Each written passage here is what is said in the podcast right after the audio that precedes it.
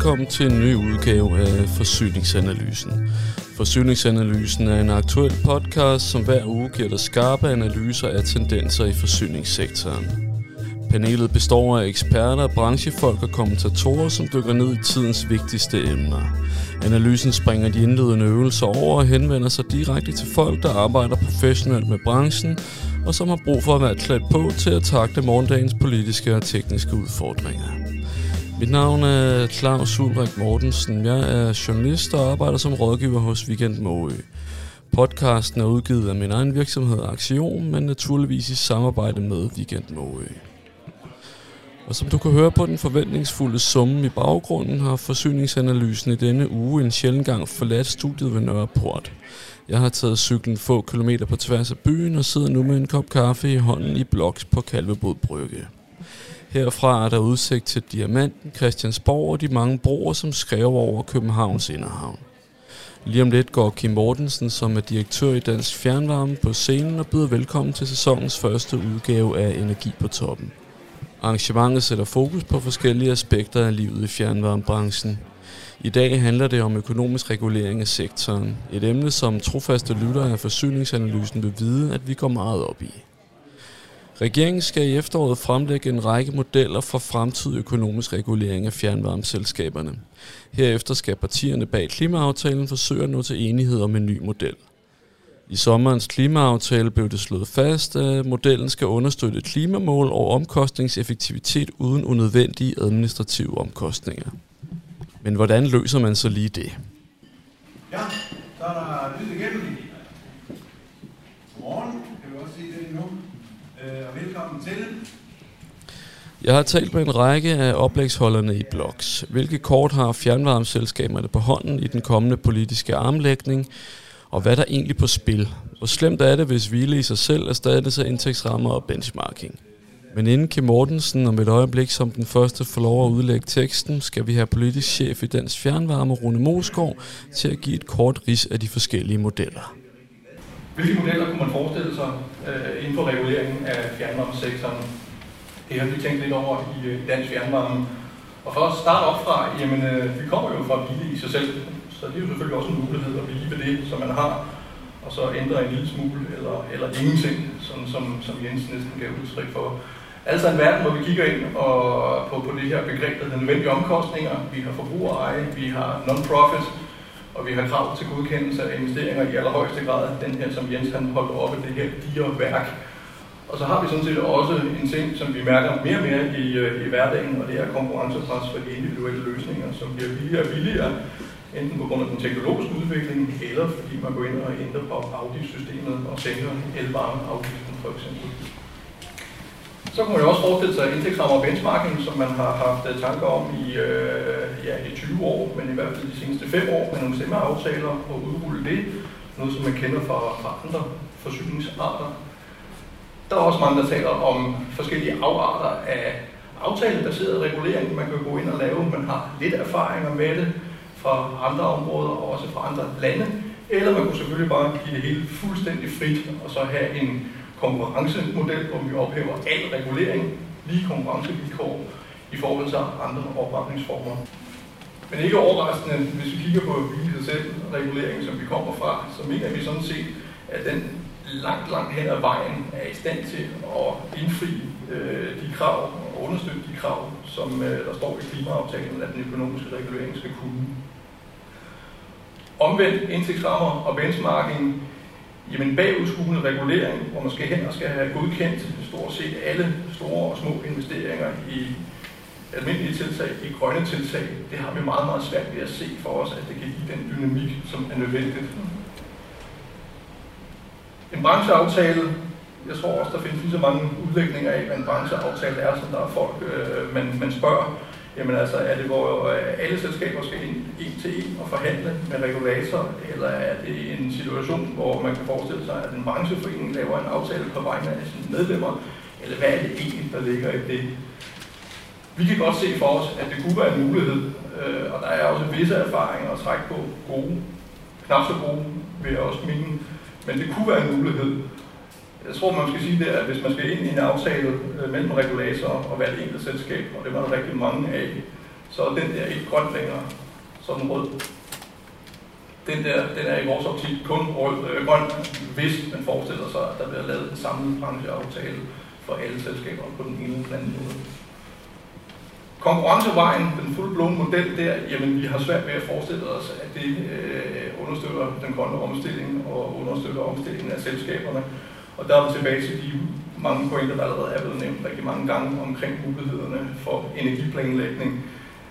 Jeg tror, hvis man sætter øh, fjernvarmen i direkte konkurrence med de individuelle alternativer, jamen, så vil man få et mudret billede, og det vil blive sværere for fjernvarmen at tage de her store klumper, som ellers er fjernvarmens styrke i den grønne omstilling, og evnen til at omstille rigtig, rigtig mange af de her 500.000 sorte boliger. Jeg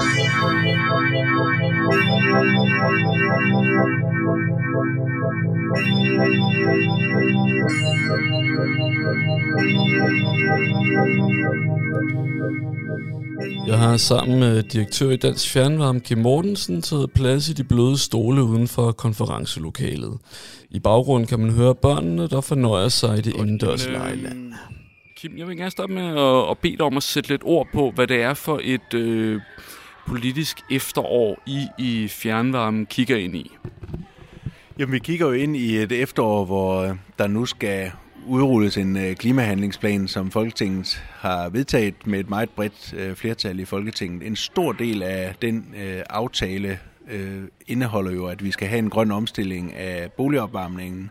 Det vil sige, det er jo både det eksisterende, de eksisterende fjernvarmeboliger, det er også hvad hedder det, de 500.000 boliger, der i dag opvarmes enten af individuel oliefyr eller det kollektive naturgasnet. Så som som branche kigger vi jo ind i et øh, politisk efterår, hvor der skal skabes nogle rammebetingelser, hvor vi kan komme til at leve op til de store forventninger, der er omkring øh, boligopvarmningen. Ja, nu, nu talte jeg lige med, med Jens Andersen her lidt, øh, lidt tidligere fra, fra Næstved. I forhold til, altså det der bekymrer ham, det er, hvis vi ender med at få en øh, indtægtsrammeregulering, øh, øh, men hvor han siger, han fornemmer sådan på baggrund af, at det, der bliver sagt i dag, at det det fornemmer han måske i virkeligheden ikke rigtig er så realistisk længere. Altså, hvordan ser du det? For det er vel et eller andet det, der, det er, vel det, der er truslen, ikke? Altså, vi ender der. Hvordan, har du ro i maven i forhold til, til, til den nye regulering? Nej, det har jeg ikke. Øh, og det er jo klart, som vi også har, har gjort opmærksom på igennem meget lang tid, så vil, så vil sådan en indtægtsrammeregulering baseret på en øh, benchmark øh, mellem vidt forskellige selskaber, den vil være totalt dræbende for den grønne omstilling, der skal ske af, øh, af fjernvarmesektoren. Den vil også være dræbende i forhold til den efterspørgsel, der er på det, der hedder sektorintegration, altså der, hvor fjernvarmen kan være med til at understøtte den grønne omstilling i andre sektorer, altså industri, landbrug, transportsektoren. Så, øh, så, så min forventning er, at politikerne de nu holder fast i det, de har besluttet, nemlig at den øh, økonomiske regulering, der baserer sig på indtægtsrammer, den bliver taget af bordet, og man så kommer i gang med at udvikle nogle nye andre modeller, hvor man med reguleringen i hånden kan være med til at understøtte det, som politikerne beder om, nemlig en øh, grøn omstilling, en øh, øh effektiv øh, drevet sektor, og så øh, det, at vi kan, kan levere ind på 70% målsætningen. Ja, og så i forlængelse af det, men måske også lidt mere generelt, altså hvordan oplever du den politiske stemning omkring øh, fjernvarmesektoren øh, nu her med, med den nuværende regering? Altså tidligere, der var I jo Altså, Lars Christian Lillehold kunne godt lide at hugge lidt til jer, ikke? Og, og tale om, at produktiviteten var for lav, og det skulle, der skulle en eller anden effektivisering til, før at I ligesom kom op i gear. Ikke? Det var lidt den overordnede fortælling. Hvordan oplever du sådan, den politiske fortælling omkring jer nu her øh, på tærsklen til det her vigtige efterår? Jamen, jeg oplever det meget positivt, og det er klart, at vi har været igennem sådan en 4-5-årig periode, hvor der har været ekstremt meget fokus på økonomisk effektivisering i den forstand, at man skulle trække effektiviseringsgevinster ud af, forsyningssektoren, og så efterfølgende dele dem ud enten til det, man har kaldt det økonomiske råderum, eller dele dem ud til, til skattelettelser. Og derfor har det, synes jeg, der har været et, et stort og urimeligt pres på, øh, på, på blandt andet fjernvarmesektoren. Nu ser jeg jo det politiske klima som, at nu er har man fået øjnene op for, at hvis man skal i mål med en grøn omstilling og nå i nærheden af den her 70% målsætning, så skal øh, boligopvarmningen levere de knap halvdelen af, af CO2-reduktionerne, som øh, potentialet er. Og derfor har vi jo også for første gang for mig at se set, at vi har et helt afsnit i det, der nu hedder klimaplanen, som før hed energiaftaler, der handler om grøn fjernvarme, grøn boligopvarmning og faktisk imødekommer mange af de ting, vi som branche har bedt om meget længe øh, med ophævelse af produktionsbindinger, tvangsbindinger til naturgassen med videre. Så, så vi har fået nogle virkemidler og nogle redskaber og en politisk velvilje, som jeg tror, vi kan bruge til noget. Ja, og i forhold til politisk øh, velvilje, så øh, altså, i de seneste uger har der jo været flere og flere eksempler på, at regeringen ligesom går ud og, og i et eller andet omfang undsiger den ramme, man tidligere har lagt og taler om, at ja, måske det i virkeligheden er bedre, vi, vi, vi, vi satser på teknologien, og så øh, tager vi det, det store skridt fra øh, 27 til 30, ikke? Vi behøver ikke starte med at gøre de, de dyre ting. Mm, kunne man, kan, kan du frygte, at, at, at man også finder ud af, at man måske ikke helt mener det samme, som man mente for fire måneder siden i forhold til, til fjernvarmen, øhm, og dermed ender med at få den her for jer uønskede regulering? Nej, altså jeg tror på, at øh, man, man vil se på, på det på den måde at sige, at vi skal også nå i mål med reduktioner inden 2030. Og jeg tror, de fleste ved godt, at øh, uanset om man snakker Power to X eller CO2-fangst fra, øh, fra affaldsenergi eller fra biomasseanlæg, så er det ikke en teknologi, der kommer til at virke inden 2030. Det bliver på den lange bane fra 30 til 50 øh, når den teknologi kommer, så vil man jo også kunne bringe overskudsenergi, overskudsvarme fra, fra sådan nogle anlæg i spil i, i fjernvarmen. Så jeg, jeg oplever lidt, at man nu begynder også at kigge på fjernvarme og sige, her kan vi nå i mål med nogle konkrete øh, CO2-reduktioner inden for den øh, grænse, som vi har aftalt i klimaloven. Nu har jeg flere flere gange øh, oplevet at tale om de her individuelle varmepumper som noget af det, som, som kan spænde ben for, for jeres, altså fjernvarmens rolle i den grønne omstilling. Kan du prøve at sige lidt omkring, hvad er det ved, ved de individuelle varmepumper, der ikke fungerer? Fordi altså, langt hen ad vejen er det jo, er, er det jo en meget smart idé, ikke? at du sætter varmepumper op de steder, hvor, hvor, hvor der i dag er oliefyr, eller måske øh, pillefyr, eller, eller andre øh, forurenende ting. Hvad, men hvad, hvor, hvor er det, at de risikerer at blive en hemsko for en grøn omstilling, øh, hvis vi starter der? Ja, man kan sige, øh, varmepumper, altså som matrikelløsninger, individuelle, individuelle løsninger, de er jo rigtig gode de, der, de steder, hvor der i dag står oliefyr eller træpillefyr, hvor husene ligger øh, langt fra hinanden, og hvor der er luft omkring hvor man ikke øh, vil opleve støjscener, hvor der, øh, hvor der ikke er mulighed for at lave en, øh, en kollektiv forsyning. Der, hvor vores øh, fokus er, det er de 400.000 kollektive øh, forsynede boliger, der i dag får naturgas. En stor del af dem ligger i det eksisterende fjernvarmeområde eller lige uden for det eksisterende kollektive øh, fjernvarmenet. Der vil man jo med fordel kunne give borgerne et godt og grønt og komfortabelt tilbud på linje med det, de har med deres øh, naturgasfyr, når nu de skal skifte til noget andet. Det, der er udfordringen for fjernvarmen, det er, at fjernvarmen jo er en infrastruktur og et energisystem, hvor individuelle varmepumper bare er en individuel matrikelløsning, hvor man sætter øh, strøm til en, en varmepumpe, der trækker varmen ud af, af, af luften.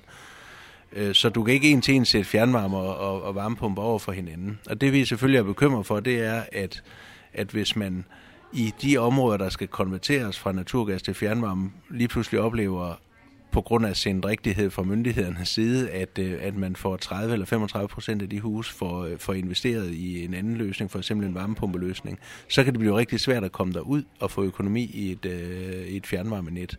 Så det er sådan mere tidsforskydningen og planlægningsdelen, som vi prøver at efterlyse, der kommer fra både kommuner og fra myndigheder. Ja, så er der også, balladen også lidt det med, at nu bliver der afsat puljer til at få de her varmepumper i gang, men at, at man får 20 startet det uden at have, have truffet. Altså så, så det er spørgsmål om at have lidt mere sådan holistisk blik på det, hvor, hvor rækkefølgen passer, eller, eller hvordan sådan, så varmepumperne ikke kommer i gang før en er plan for, hvad, hvordan I skal ud og erstatte naturgassen, når den bliver lavet. Er det, er det sådan, det skal forstås? Ja, altså jeg tænker, at sådan skal forstås, det er, at man skal prøve at fokusere første skridt og prioritere midlerne der, hvor der er oliefyr, hvor du får den største CO2-reduktion, og hvor der er den største potentiale for varmepumper.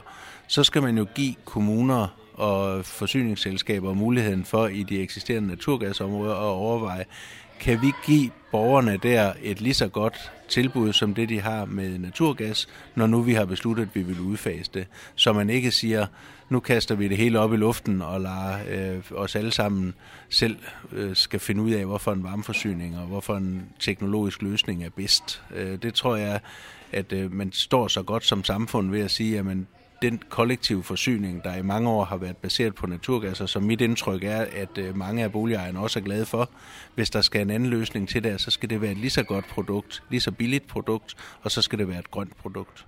Så her til sidst skal jeg spørge dig, nu øh, Rune Monstrup, jeres politiske chef, gennemgik fire forskellige modeller for regulering. Og hvad for en af de fire modeller, hvis I fik lov at vælge, hvad for en ville I så vælge? Jamen, så vil vi jo vælge en tilpasset regulering af den hvile i sig selv regulering, vi har i dag, og som har vist sig at være rigtig effektivt i forhold til både at holde forbrugervenlige priser, øh, sikre, at det er de rigtige og samfundsøkonomiske investeringer, der foregår, og som også har været med til at skabe en øh, grøn omstilling. Øh, så der kommer der måske nogle nye udfordringer, hvor der skal skabes sikkerhed for nogle af de langsigtede investorer. Der skal måske noget geotermi ind, øh, Øh, i nogle af de større byer, som kræver en anden øh, sikkerhed. Og der tænker jeg sådan, at, øh, at der kunne man godt lave en, øh, en tilpasset øh, regulering af den, vi allerede kender i dag. Øh, så er der nogle politiske ønsker, som jeg også deler med, at vi skal kunne dokumentere en øget professionalisering. Vi skal have det, der hedder asset management, altså styr på vores ledningsnet og vores aktiver og de investeringer og vedligeholdelsesplaner, der bliver lavet. Der skal noget bedre governance ind, så vi sikrer, at vi følger kodex for godt bestyrelsesarbejde, selskabsledelse og de der ting. Så, så man kan godt bygge nogle ting oven på den regulering, vi kender i dag. Men klart for os at se, så har vi en regulering, der virker, og hvis man begynder at splitte den ad, så risikerer man også, at selskaberne skal bruge de næste 3-5 år på at begrave sig i økonomisk regulering, i stedet for at holde tempo på den grønne omstilling.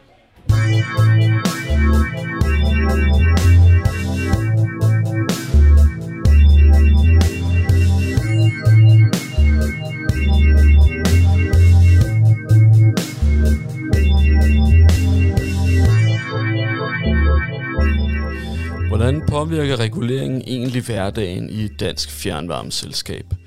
Det spørger jeg direktør i Næstved Fjernvarme, Jens Andersen, om. Jamen uh, Jens Andersen, jeg vil egentlig gerne starte med at spørge dig. Uh, hvad er for dig at se problemet med uh, forsyningstilsynets uh, analyse af effektiviseringer i fjernvarmesektoren? Jamen, de har jo lavet en rapport, de har jo afleveret til folketingspolitikerne, der viser, at der er et potentiale på 1,5 milliarder. Uh, og det er, det, det er ikke rigtigt. Og, det, og det er, jo, det er jo et spørgsmål om, at der er forskel i nogle omkostninger, som selskaberne har. Og de omkostninger, det er jo opstået ved den regulering, der findes i dag, eller for 20 år siden. Det er jo over 20 år perspektiver. Så de, de tager ikke hensyn til de regler, vi har været underlagt igennem tiden, og de tager heller ikke hensyn til for eksempel alderen på øh, ledningsnettet. Det vil sige, hvis du har et nyt ledningsnet, har du store afskrivninger. De tager heller ikke hensyn til, om du har forskellige leveringsgrænser. Altså hos os for eksempel, der har vi jo indtil nu brugt 35 millioner på at renovere folks varmerum. Det er der mange selskaber, der ikke har. Så derfor så øh, bygger den på nogle helt forkerte data. Og jeg synes jo, sådan for at sætte det lidt i perspektiv, 1,5 milliarder. Fjernvarmebranchen, de har en samlet lønsum på 1 milliard kroner. Så det, man siger, man kan spare i fjernvarmesektoren, det er jo halvanden gang hele lønsummen. Det vil sige, at vi skal fyre samtlige medarbejdere. Så det, det, det er jo virker helt absurd. Ja, altså, og, det, og det oplagte spørgsmål er jo så her, er det så fordi, at de er inkompetente i forsyningstilsynet, eller er det fordi, at de bevidst vælger at lave det på denne her måde, for dermed ligesom at få det resultat, de gerne vil have, tænker du? Ja, det vil jeg helst ikke udtale mig om, fordi det, øh, hvad, hvad bevæggrunden er, de har jo brugt de data, de har til rådighed kan man sige. Ikke? Fordi de andre data, som jeg nævner her, dem har de jo ikke til rådighed. Øh, man har jo taget, hvordan de indberetningsskemaer har, har været designet gennem tiden, og det er jo de data, de har haft til rådighed. Så det er ude for de data, de har, kan man godt sige. Ikke? Så jeg synes, øh, om at udtale sig bevæggrundene for det, det, det vil jeg helst ikke udtale mig om. Okay, godt nok. Så, så slipper du for det. Øhm, så i forhold til, til det, vi samledes øh, om for at diskutere i dag, nemlig den fremadrettede regulering øh, af fjernvarme, der... Øh, Argumenterede du for, at du sådan set helst ser, eller I i Næstved øh, fjernvarme sådan set helst ser, at øh, status quo egentlig bare bliver bevaret? Og så tænker jeg, hvad er det, der er for dig at se er så godt ved status quo i forhold til reguleringen? Jamen i dag der har vi jo en regulering, som jeg viste en planche, 85 procent af vores omkostninger er sådan set styret af, af projektbekendtgørelsen. Det vil sige, det er jo et, et omfattende analysearbejde, vi skal lave for at kunne lave investeringer. Det arbejde, det er jeg sådan set glad for, for det, det kan jeg vise både til min bestyrelse, mine andelshavere, og der kommer en anden myndighed ind over og gennemkontrollerer, at de nu også er rigtige, de her, og viser det de rigtige resultater, sådan så man kan sige, at samfundsøkonomisk, selskabsøkonomisk og brugerøkonomisk er den her investering rigtig god. Det er der ikke rigtig mange, der taler om. Det er jo ikke blevet i talesat mange steder, at vi rent faktisk er meget reguleret i den her branche. Det øh, på forspørgseler både i embedsmandsværket og hos politikerne, så er der faktisk ikke en stor kendskab til den regulering, der rent faktisk eksisterer allerede i dag. Så den synes jeg er rigtig god. Med nogle små justeringer i den regulering, så kan man sådan set få det, man gerne vil have. Man vil gerne have en grøn omstilling. Det kan man få med det her. Og man vil også gerne have det til forbrugervenlige priser. Det får man også med det her. Så politikerne og Folketinget, de har fat i den lange ende og kan styre os derhen, hvor man gerne vil have os. Ja, nu siger du, med nogle få justeringer kan det blive endnu bedre. Hvad skulle man i så fald vælge at justere for, at det kunne blive øh, et, øh, et fjernvarme øh, paradis, vi, vi, vi bevæger os ind i? Mange af de øh, problemstillinger, der har, vi har peget på, dem har man rent faktisk taget fat i i den her aftale, der ligger. Men øh, vi skal ikke beregne mod fossile brændsler, som man ellers skulle. Øh, kraftvarmekravet har man opgivet. Så man, man har jo rent faktisk taget hul på mange af de her ting, men der var en ting, jeg ikke lige kan huske, over det. Det er også lige meget. Men, men, men, så det, det er nogle ganske små justeringer, man kan sige.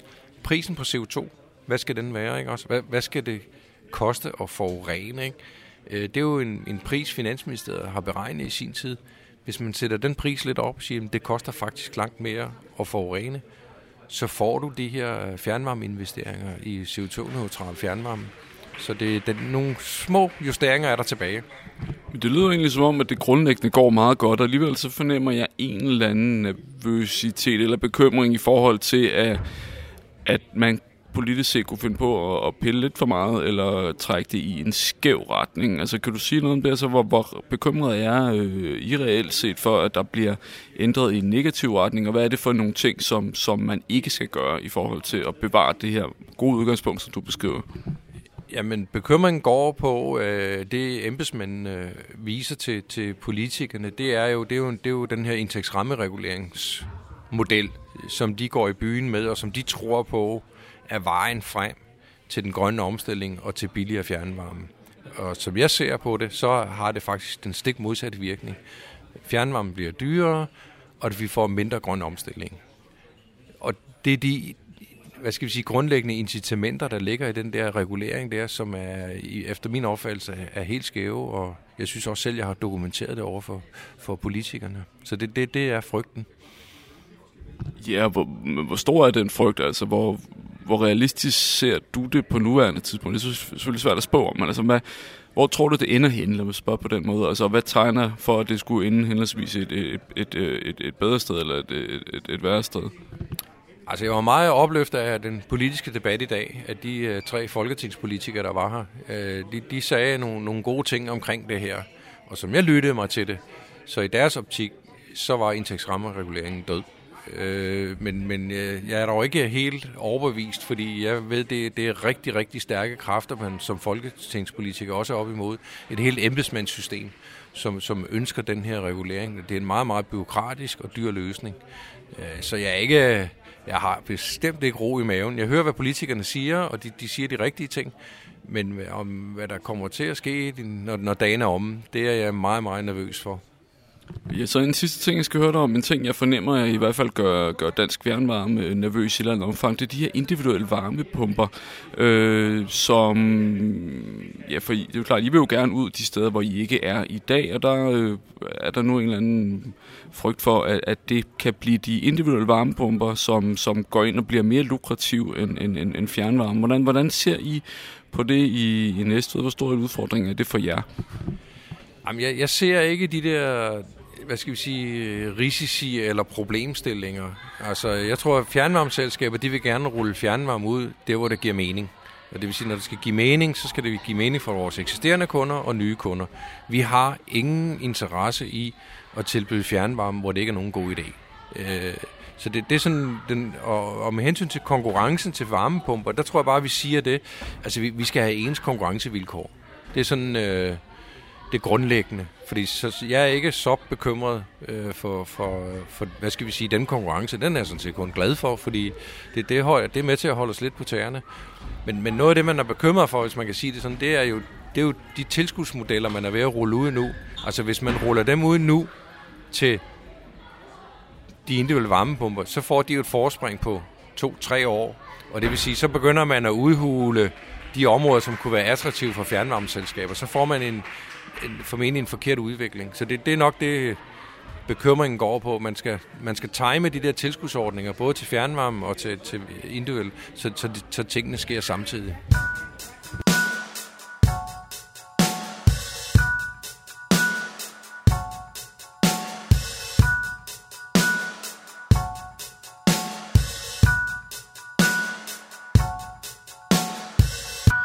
Jeg har også taget en snak med produktchef i Lockster, Peter Jorsal.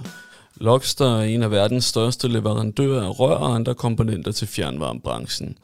Hvordan vurderer han, at regulatoriske svingninger påvirker eksportmarkedet? Jamen øh, Peter, jeg vil gerne starte med at spørge dig, hvad ønsker I jer i Lockster i forhold til efterårets øh, politiske forhandlinger om øh, fjernvarmereguleringen? Jamen grundlæggende ønsker vi, at, at, at reguleringerne og klimaaftalen kommer til at afspejle, at varmeværkerne får nogle øh, langsigtede rammer for at kunne øh, planlægge deres arbejde. Øh, fordi det er vigtigt i forhold til at, at træffe de rigtige beslutninger. Og, og, og fjernvarmen har en væsentlig øh, rolle i forhold til at nedbringe øh, CO2-reduktionen. Øh, og, og, for, og for at gøre det, så skal man kunne tænke langsigtet. Så de skal have langsigtede rammer. Ja, og I kan du sige, I Ja, jeg, hvor, stor en del af, af fjernvarmen af, af jeres forretning? Øh, nu bliver jeg bare nysgerrig. Altså, hvor, hvor, hvor meget tegner den sig for? Jamen, fjernvarmen tegner sig for øh, omkring 90 procent af vores forretning, så det er, det er en væsentlig del. Og, og det danske marked, det er, det er rigtig vigtigt for os. Øh, og, og Danmark er øh, forgangsland i forhold til øh, øh innovation og, og nye løsninger inden for fjernvarme og, og gør det mere og mere effektivt. Og det bruger vi som, som afsæt øh, på at, at implementere nye løsninger også i udlandet.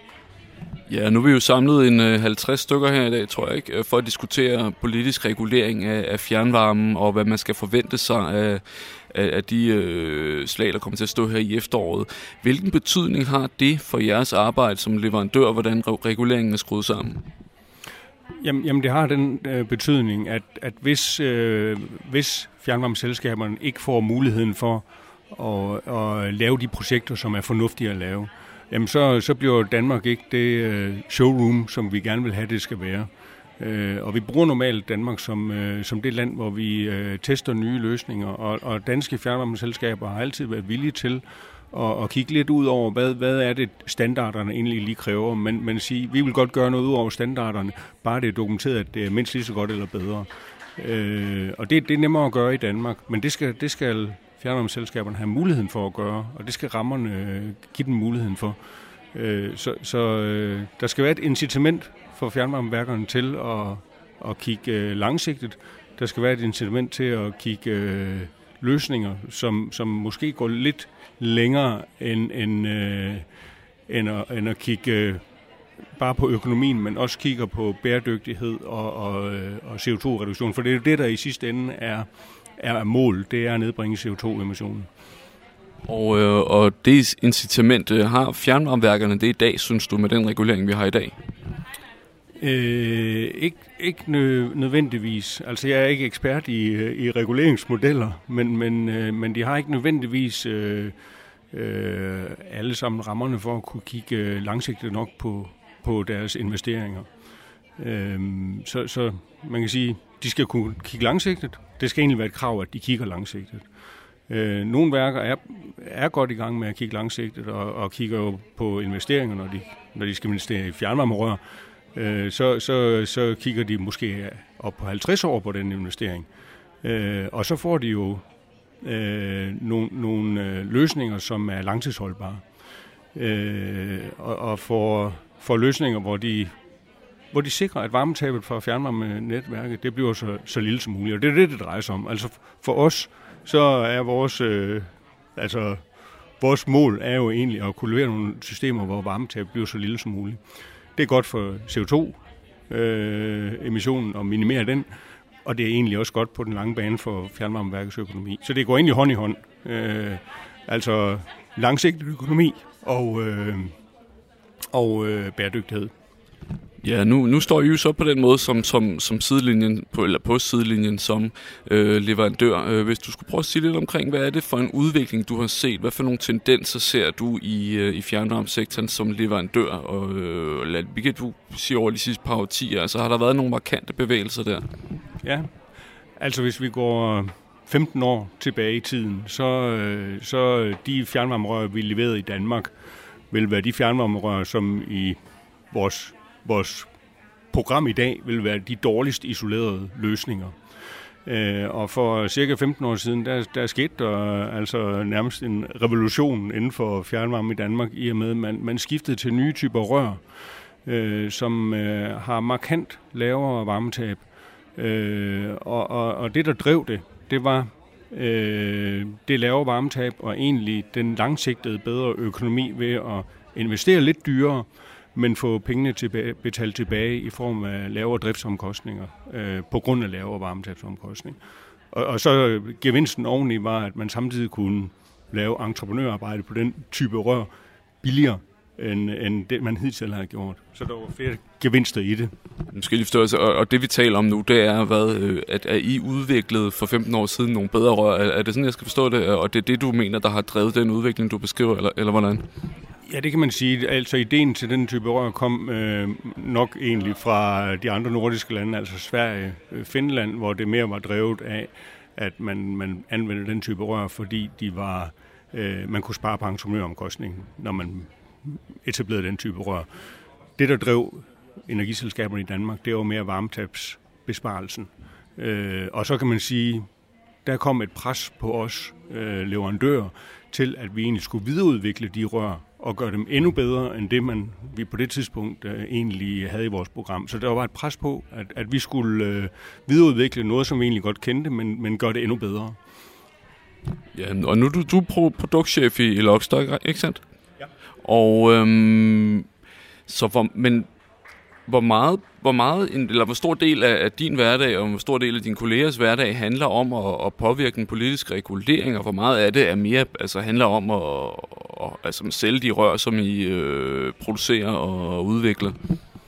Altså, vores hverdag er jo ikke at påvirke øh, den politiske regulering. Altså, det, det, det forsøger jeg at gøre, øh, når jeg deltager i et arrangement, som jeg har været med i i dag, men, men, men vores hverdag er mere påvirket af at få kunderne til at vælge de rigtige løsninger.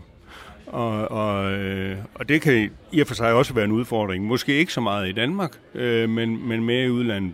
Øh, og det, øh, man kan sige, der er rigtig mange steder ved energiselskaber rundt omkring i Europa, hvor man øh, gør tingene på den måde, man altid har gjort. Og, og man måske ikke lige udfordrer sig selv på, om det også er den bedste løsning, når man kigger langsigtet på det. Og det vil vi godt være med til at udfordre. Så vi bruger, vi bruger rigtig meget tid på at, øh, at komme ud og, og snakke med kunderne omkring, øh, hvad er den langsigtede bedste løsning, når de skal investere i ny infrastruktur, øh, som, som fjernvarmenettet er. Og, og så bare lige her til sidst, altså hvor, hvor hvor følsom er jeres forretningsgrundlag for øh, ændret politisk regulering? Lad os sige, der havner over i det her øh, benchmark-regulerings øh, sted, hvor, som de diskuterede her, og som man i, i fjernvarmesektoren jo ikke ønsker sig. Altså, hvor store negative konsekvenser kan det få for jeres forretning, vurderer du?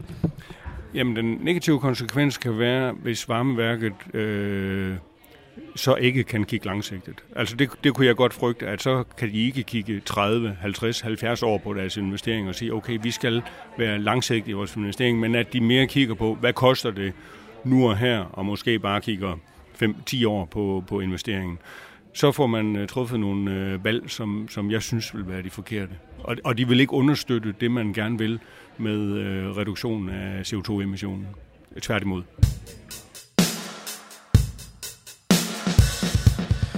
Og så ville det jo ikke være en rigtig konference, hvis ikke der også var en stribe politikere repræsenteret. Panelet i Bloks i dag består af Signe Munk fra SF og Carsten Kismar fra Venstre. Fra Socialdemokratiet har Malte Larsen taget plads på scenen. Malte er forbrugeroverfører, men som bestyrelsesmedlem i Nordlys er han også optaget af branchens vilkår. Jeg har samlet et par korte lydklip fra den politiske debat. Og, øh, vi indgik jo den her klimaaftale øh, før sommerferien, som skitserer øh, nogle ret vigtige elementer op for, øh, for fjernvarmens øh, udvikling og den rolle, vi ser, den skal have fra, øh, fra aftalekredsen på Christiansborg. Lige nu, der sidder vi og taler en del om de tilskudspuljer, der jo ligger øh, som et redskab til at skubbe oliefyrene og naturgasfyrene på pension. Og der er jo både nogle tilskud, der går til varmepumper, til individuelle varmepumper, men jo altså også til at forbedre brugers selskabsøkonomien i de fjernvarme løsninger. Jeg har i hvert fald gerne ser kommer derud, hvor meget naturgasnettet dækker i dag. Så det sidder vi helt konkret og diskuterer. Øh, det handler jo både om størrelsen på puljerne, men det handler jo også om at diskutere, hvornår er et øh, område øh, udlagt til fjernvarme, og hvordan sørger vi i min til for, at når staten giver tilskud, så gør vi det på en måde, hvor vi ikke giver tilskud til varmepumper, der så eroderer et, øh, et, øh, forretningsgrundlag for fjernvarme, og på den måde får brugt vores øh, tilskudsmidler bedst. Så skal vi jo også diskutere, det er jo noget af det, I har fat i i dag, hvordan pokker får vi lavet en klog regulering af fjernvarme, som både sikrer, at man øh, ude i de enkelte selskaber kan nå i mål med klimamål og alle de grønne ambitioner, og jo samtidig sikrer øh, en ordentlig pris øh, for forbrugerne. Og det er jo noget af det, hvor vi kastede øh, aftalen fra, er det 15 eller 16, den er fra 16? 15. 16 og 17. 16 og 17, ja. I hvert fald den gamle politiske aftale omkring regulering af fjernvarme på porten, som i min tid måske var meget født af, af forsyningsstrategiens tankegang, hvor der kun var kroner og øre fokus, men så skal vi have fundet en ny model. Det skal vi aftale her i efteråret også. Vi har ikke fået oplæg til det endnu. Så det er sådan øh, nedslag i, øh, i, i jeres politik, kan man sige. Et venstre synspunkt er initialt, at øh, vi sådan set er på forbrugerens side, og vi ønsker, at forbrugeren får en fjernvarmeforsyning eller en varmeforsyning, der selvfølgelig for forbrugerne billigst muligt. Og så er jeg faktisk enig med Signe i, at i den sammenhæng, der er det også rigtig vigtigt, at vi får etableret en styringsmodel, der også sikrer, at den varmeforsyning, I leverer, eller det alternativ, der er, at det rent faktisk bidrager til den grønne omstilling. Og øh, der tænker jeg, at øh, vi, vi, vi lige nu, når vi diskuterer det der med puljerne, så er jeg sådan set også enig i, at øh, vi har en situation lige nu, hvor vi i den i aftaleudkasten, vi har liggende, der står sådan set, at hvis man skal have tilskud til en varmepumpe, så kan man ikke få det, hvis det er et område, der er udlagt til fjernvarme. Problemstillingen er jo, at øh, rigtig mange kommuner har jo sådan set ikke forholdt sig til naturgasområdet, fordi naturgasområderne jo per definition har haft naturgas, og folk har ikke kunne løbe fra det. Så øh, vi er også opmærksom på, at der er den her potentielle euderingsrisiko. Ministeriet har i et eller andet notat, jeg kan ikke lige huske, hvor det er, jeg har set det skrevet, at naturgaskunder er øh, erfaringsmæssigt meget langsomme omstillere. Øh, og, og hvis det passer, så, så er det måske ikke så stort et problem, det der euderingsproblematik. Jeg tænker, øh, jeg tror, at vi vil stille spørgsmål om, at vi ser en problemstilling, hvad er ministeriets forslag til at håndtere problemstillingen? Skulle jeg her komme med en løsning, så kunne det være, at man sagde til kommunerne, der hvor I har naturgas, der skal I inden for det kommende halve år træffe en beslutning om, hvad er det, der kan ske der. Jeg tænker så, at lige nu, teknik for eksempel, lige noget nervøse ved, at øh, når tilskudsmodellen nu er lige om hjørnet, så er der ingen, der køber varmepumper lige nu, for de venter selvfølgelig på at få tilskuddet. Og derfor er der også en, en interesse i at få sat processen hurtigt i gang. Og der kunne man sige, at øh, vi så valgte at sige, at dem, der har oliefyr, som jo typisk ligger, hvor fjernvarmen måske ikke er så attraktiv, at der kunne man starte omstillingen med det samme. Øh, og så er jeg jo skeptisk overfor, som mange af jer, også konsulenternes rapporter. Jeg bliver bekymret, når forsyningstilsynet og andre styrelser øh, ikke virker som om, de har fuldstændig styr på, hvordan det ser ud fra forbrugernes side. Jeg har jo også en kasket som forbrugeroverfører. Jeg er stensikker på, at et ejerskab, der ligger i forbrugernes øh, hænder, det er det bedste, man kan, man kan. Og jeg er dybt bekymret, hvis nogen med McKinsey-rapporter i hånden begynder at snakke om kapitalisering af vores forsyning. Jeg undrer mig som repræsentant i et elselskab over, at der er forskel og meget stor forskel på tariffer rundt omkring i landet, og tænker, at det må der kunne gøres noget ved. Men jeg synes, det er uklogt at give alle en, en, en procentbesparelse om året, i stedet for at gå efter dem, der er mindst effektive, og, og derfor har de højeste tariffer. Og jeg bemærkede mig tidligere på dagen, at noget af det, I faktisk allermest efterlyser, og det er jeg fuldstændig enig i, det er langsigtede, stabile rammer. Fordi I vil sindssygt gerne være med til at løse den opgave, der ligger foran os, med at reducere vores CO2-forbrug. Og det vil elfor, øh, hvad hedder elforsyningen, som jeg kender, også rigtig gerne være med til. Og jeg tror, vi skal ind i en tankegang, der handler om og sætte noget pligt ud til jer, til elbranchen, til andre forsyningsselskaber, og så måske være lidt mindre bekymret for, om det så i den sidste ende koster en øre mere eller mindre på en kilowatt. Fordi vi kan, og vi vil gerne i de brancher, som, som I og vi kender. Det var de sidste ord fra forsyningsanalysen i denne uge. Tak til Kim Mortensen, Jens Andersen og Peter Jorsal for at sætte ord på deres overvejelser om fjernvarmesektorens fremtid. Og ikke mindst tak til dig for at lytte med. Hvis du vil være sikker på ikke at gå glip af næste uges episode, kan du finde forsyningsanalysen der, hvor du normalt lytter til podcast. Så lander den automatisk på din telefon, tablet eller computer. Vi lyttes ved.